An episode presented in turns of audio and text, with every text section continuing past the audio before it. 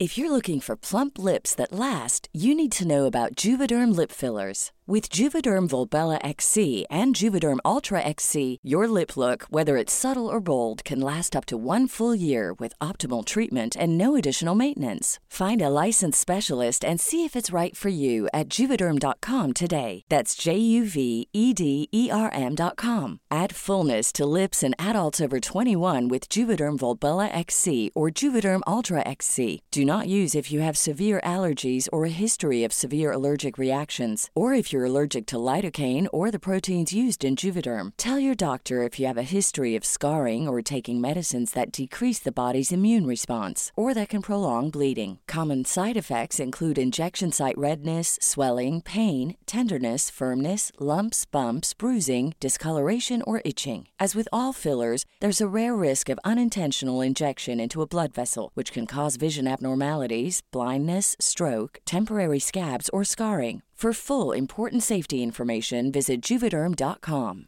Normally, being a little extra can be a bit much, but when it comes to healthcare, it pays to be extra. And United Healthcare makes it easy with Health Protector Guard fixed indemnity insurance plans. Underwritten by Golden Rule Insurance Company, they supplement your primary plan, helping you manage out of pocket costs without the usual requirements and restrictions like deductibles and enrollment periods. So when it comes to covering your medical bills, you can feel good about being a little extra. Visit uh1.com to find the Health Protector Guard plan for you.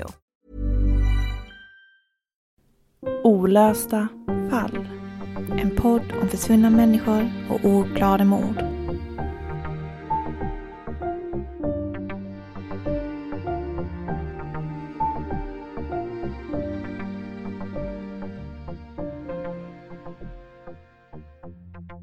Du sätter på kaffekokaren. Hör det välbekanta ljudet när vattnet börjar puttra. Doften som når dina näsborrar. Du sätter dig i kökssoffan. Utanför skiner kvällssolen. En tyngd i ditt knä. En av dina katter har hoppat upp och lägger sig bekvämt. Du smeker den mjuka pälsen med högra handens översida. Lyssnar till spinnandet och känner hur kattens små tassar spänner sig och slappnar av mot dina lår utanpå nattlinnet. Så ringer det på dörrklockan. Katten jamar när du reser dig upp. Du tar tag i rullatorn och går försiktigt mot dörren. Vad märkligt. Du vandrar inte besök vad du minns. Du öppnar ytterdörren och möts av ett bekant ansikte. Vad du inte vet just där och då är att det är det sista ansikte du någonsin kommer att se igen. Den sista blicken du någonsin kommer att möta. För personen där utanför tröskeln vill dig inte väl. Du lyssnar på Olösta fall. Mitt namn är Sofie Nublin. Mitt namn är Nathalie Seob. I veckans avsnitt ska vi berätta för er om mordet på 60 år gamla Solveig Hertzberg som ägde rum i juni 2006 i Tjörnarp, norr om Hör i Skåne. Ett mord som i skrivande stund varit olöst i 17 år. Vi vill också passa på att varna känsliga lyssnare då detta avsnitt innehåller information om sexuellt våld av grov karaktär. Solveig Hertzberg var 60 år gammal. Hon var en levnadsglad sjukpensionär som levde i ett ensamhushåll tillsammans med sina två hundar och sina katter i en lägenhet i ett gult fint trähus med gröna fönsterkarmar. En liten idyll i Tjörnarp norr om Hör i Skåne. Solveig gick sina dagliga promenader med rullatorn. Varje morgon tog hon sin promenad runt Tjörnarp och stannade alltid till vid blomsterhandlaren för att bryta några ord. Hon hälsade alltid glatt på alla hon mötte var väl igenkänd i byn. Grannen Jan-Erik beskriver Solveig som en person som tyckte om sällskap. Vi var vänner, vi bodde vägg i vägg och pratade om ditt och datt. Hon tyckte det var roligt att ha sällskap. Och hundarna tyckte om mig, säger Jan-Erik i en artikel på Expressen.se. Solveig tyckte om att dricka kaffe med sina grannar och tog gärna emot besök. Hon älskade sina djur över allt annat och umgicks mer än gärna med dem. Hon levde ett lugnt och stillsamt liv. Det är den 15 juni 2006 som Solveigs hyresvärd får ett oroligt samtal från en granne. Man har inte sett Solveig på några dagar, vilket inte var likt henne. Kunde hon ha blivit sjuk? Kunde någonting ha hänt? Hon hade missat sina dagliga promenader till byn och blomsterhandlaren och ingen granne hade varit över och druckit kaffe. Hyresvärden tog grannens oro på allvar och skickade ut en fastighetsskötare för att se efter om man kunde få kontakt med Solveig. Han ringde på Solveigs dörr, knackade, men fick inget svar inifrån lägenheten och bestämde sig då för att låsa upp och ta sig in för att se om Solveig behövde hjälp. Synen som mötte honom var brutal. På golvet ligger Solveig, mördad. Dödsorsaken är kraftigt våld och stickskador. Nattkläderna har hon uppdragna och det är tydligt att hon har blivit utsatt för sexuellt våld. Fastighetsskötaren tillkallar polisen som genast kommer till brottsplatsen. Polisen tror att Solveig legat död i sin lägenhet i Körnarp i flera dygn. Troligen har hon legat död i fyra dygn. Vi tror att hon mördades natten mellan den 10 och den 11 juni eftersom sista livstecknet från henne är ett telefonsamtal med en avlägsen släkting på lördagskvällen, säger kriminalkommissarie Paul Nilsson i en artikel på Expressen.se. Polisen tror att gärningsmannen är någon som Solveig känner. Det finns inga tecken på inbrott och när polisen kommer till lägenheten och brottsplatsen kan de konstatera att inga värdesaker har stulits från hemmet. Alla Solveigs saker är orörda.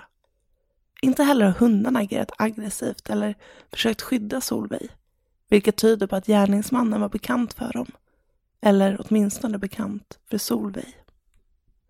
Det fanns inga tecken på att någon hade brutit sig in. Visserligen var hundarna inte av den aggressiva sorten, men de borde ha försvarat henne mot någon okänd, säger Paul Nilsson i en artikel på Expressen.se. Även Solveigs granne Jan-Erik tror att det rör sig om en gärningsman som Solveig måste ha känt och släppt in i bostaden. Jag tror att den som har gjort det måste ha känt henne, det tror jag. Det var hemskt att hon skulle bli utsatt. Hon gjorde ingen människa för när och var snäll, har Jan-Erik uttalat sig i samma artikel. Polisen har ganska tidigt en misstänkt gärningsman. Det rör sig om en man som år 2006 var i 30-årsåldern med ett inte helt obefläckat förflutet. How would you like to look five years younger? In a clinical study, people that had volume added with Juvederm Voluma XC in the cheeks perceived themselves as looking five years younger at six months after treatment. Look younger, feel like you. Add volume for lift and contour in the cheeks with Juvederm Voluma XC. Reverse signs of aging by adding volume to smooth laugh lines with Juvederm Volure XC. For important safety information and to find a licensed specialist, visit juvederm.com. That's J U V E D E R M.com. Not for people with severe allergic reactions, allergies to lidocaine, or the proteins used in Juvederm. Common side effects include injection site redness, swelling, pain, tenderness, firmness, lumps, bumps, bruising, discoloration, or itching. There's a risk of unintentional injection into a blood vessel, which can cause vision abnormalities, blindness, stroke, temporary scabs, or scarring. Talk to a licensed specialist to find out if it's right for you. Normally, being a little extra can be a bit much, but when it comes to healthcare, it pays to be extra. And United Healthcare makes it easy with Health Protector Guard fixed indemnity insurance plans. Underwritten by Golden Rule Insurance Company, they supplement your primary plan, helping you manage out of pocket costs without the usual requirements and restrictions like deductibles and enrollment periods. So when it comes to covering your medical bills, you can feel good about being a little extra. Visit uh1.com to find the Health Protector Guard plan for you.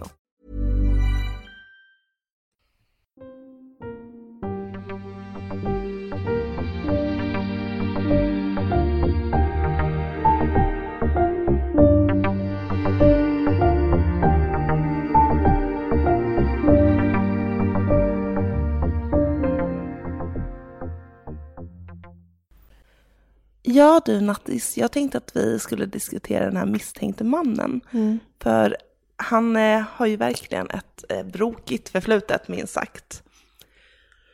Inte nog så förekommer han vid minst 17 avsnitt i belastningsregistret och eh, belastningsregistret och misstankeregistret innehåller ju uppgifter om eh, du är skäligen misstänkt eller då fått påföljder av brott. Ja, det är då du befinner dig Mm. i belastningsregistret. Och den här mannen ska ju tidigare ha gjort eh, sexuella närmanden mot Solveig.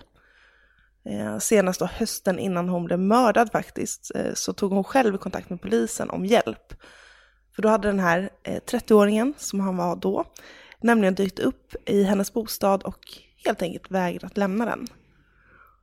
Och Solveig hade då ringt 112 och polisen hade fått hjälpa henne att få ut mannen ur bostaden.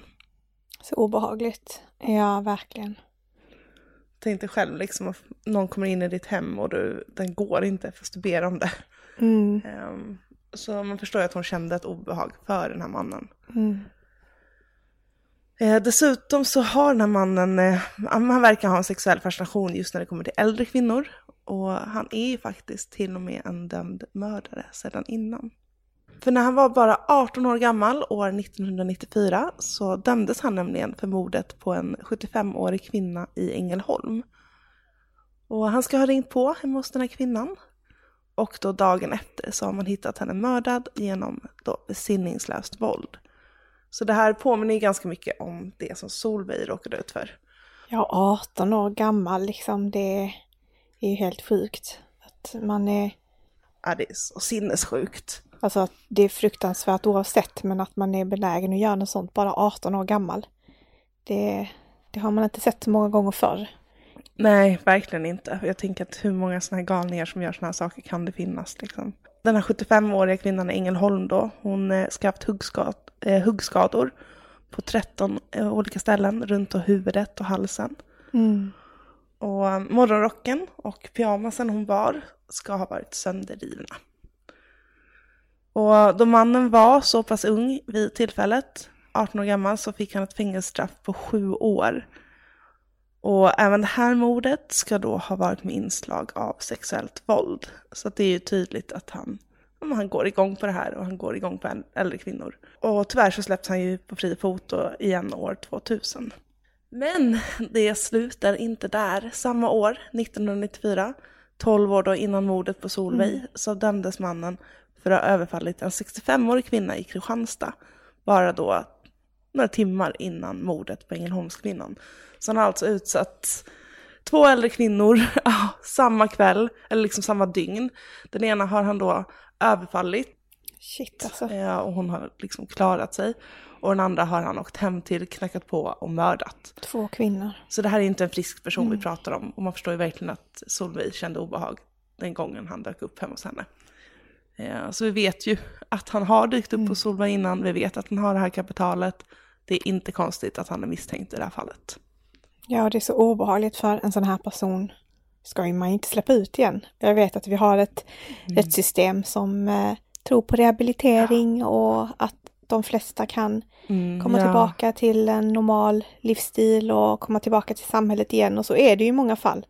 Men det finns ju också undantagsfall som det här. Oavsett att han var ung och han fick väldigt kort straff på grund av det. det men det känns som att sådana här människor ska man ta på gatan.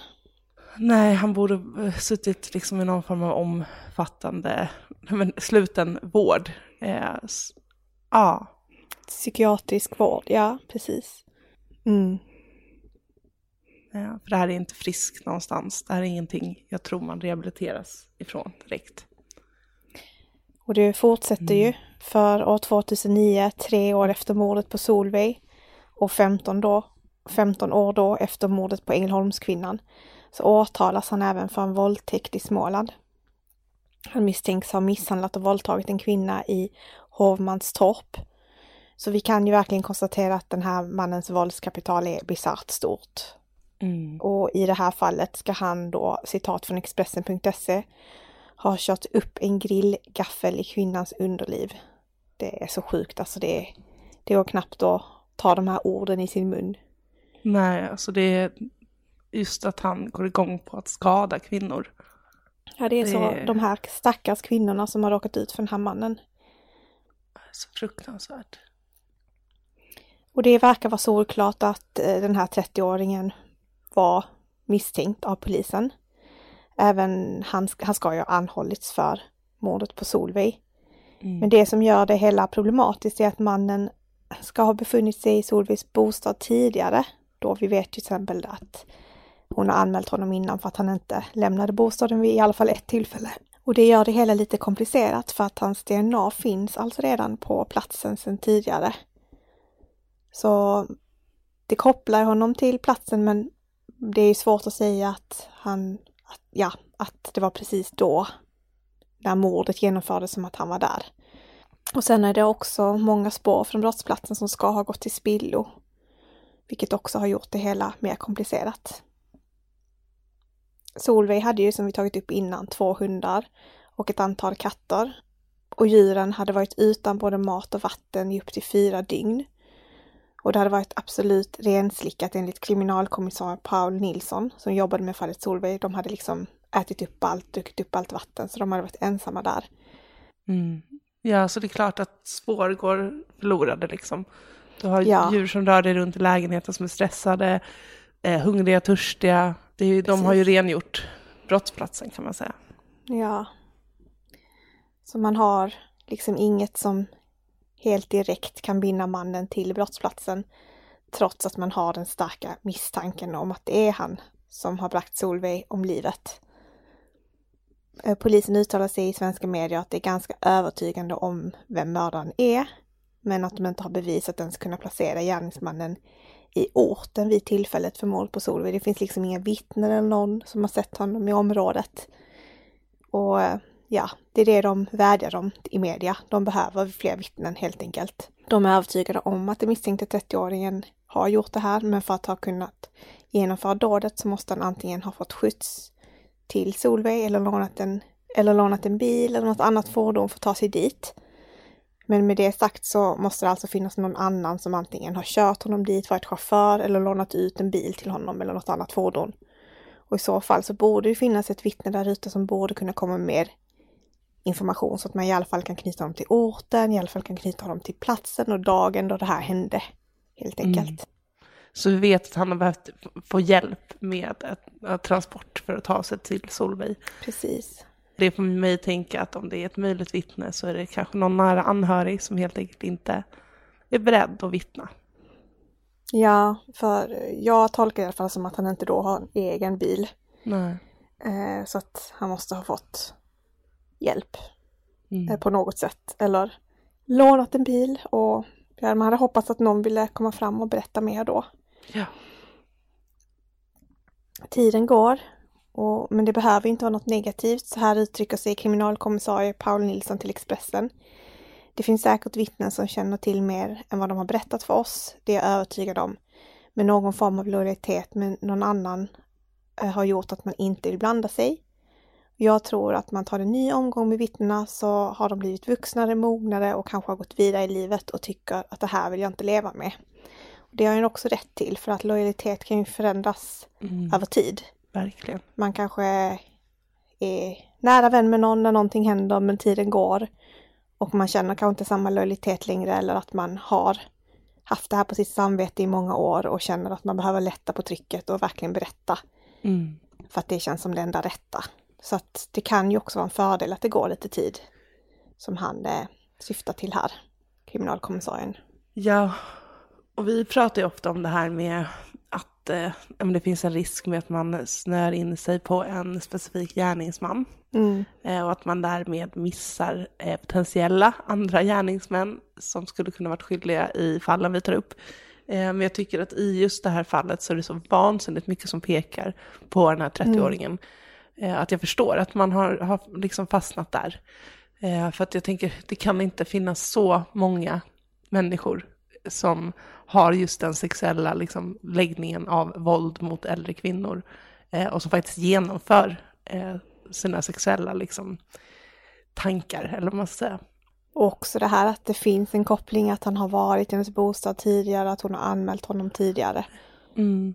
Det gör ju också att han kopplas till henne på något sätt. Precis. Sen tidigare. Så att det, på det sättet förstår jag att det känns solklart för polisen mm. i det här fallet. Men det måste vara oerhört frustrerande att inte kunna sätta dit honom. Det är verkligen. Ja, det finns egentligen bara en sak jag funderar lite kring. Mm. Ja, och det är det här att det är inget inbrott, det är olåst liksom. Mm. Att hon ändå har släppt in honom. Sen vet mm. vi inte om hon hade titthål på dörren eller inte. Alltså, hon mm. kanske bara öppnade och trodde det var en granne. Men eh, mm. ja, Det, det är också lite märkligt att djuren inte gjort någon form av utfall. För att även om de känner igen honom så har hon varit obekväm med honom vid de tillfällen, i alla fall det tillfället som eh, tagits upp i medierna där hon ringde 112. Ja. Hon verkar ju vara en person som socialiserat en del med sina grannar och så, för det var ju de Mm. som reagerade också på när hon inte, ja, när hon inte dök upp och inte syntes till i området som hon brukade. Så det kan ju vara att hon bara öppnat, trots att det varit en granne, inte, inte hört sig för vem det var och att han trängt sig in i bostaden på så vis utan att det har blivit liksom någon synbar, att det har skett någon strid eller så. Det kan ju gått ganska snabbt därefter att hon har blivit överfallen. Men ja, det är lite märkligt. Ja, och så tänker jag också, det kan ju också vara så att han inte har besökt henne igen förrän den här kvällen. Mm, det har gått någon tid.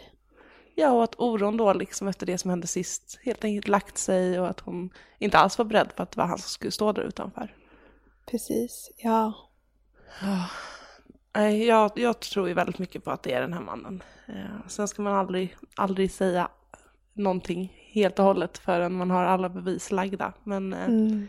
det känns otroligt att det skulle finnas en annan gärningsman i det här fallet än den här våldsbenägna 30-åringen som faktiskt är en kallblodig mördare och våldtäktsman. Ja, verkligen. Det är i alla fall bevisat. Det har vi på svart och vitt. Han har blivit dömd för det. Mm. Mm, Nej, fruktansvärt fall. verkligen. Våra tankar går ut till alla Solveigs anhöriga hennes vänner och familj. Det gör de.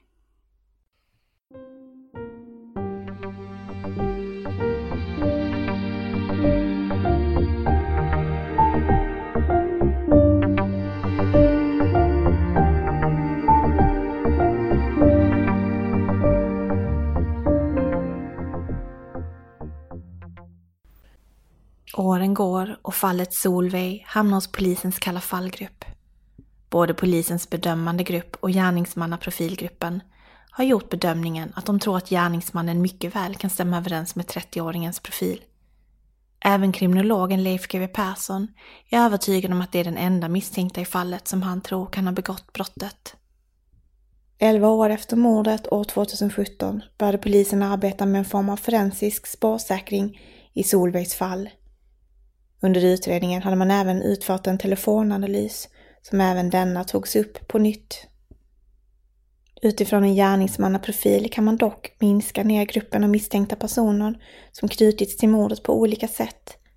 Bo Lundqvist, som arbetat aktivt med fallet för Kalla fallgruppen, uttalade sig så här till Expressen. Om vi utgår från att det är en viss typ som har gjort detta tänker man sig till och med åt hållet att personen har gjort det tidigare. Då är det inte jättemånga människor, ens i riket. Och det är en fördel för oss. Han fortsätter. Men sen ska man alltid vara försiktig. Profilgrupper gillar vi, men det är lite av en gissningslek. Man brukar prata om en mogen gärningsman i den meningen att han mognat i sitt kriminella handlande.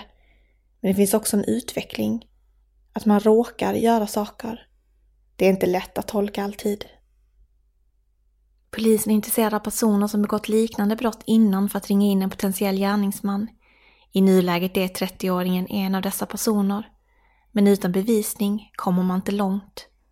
Skulle det dessutom vara så att Solveigs gärningsman aldrig tidigare begått brott eller genomfört ett grovt brott som till exempel mord i Sverige tidigare så kan det bli svårlöst.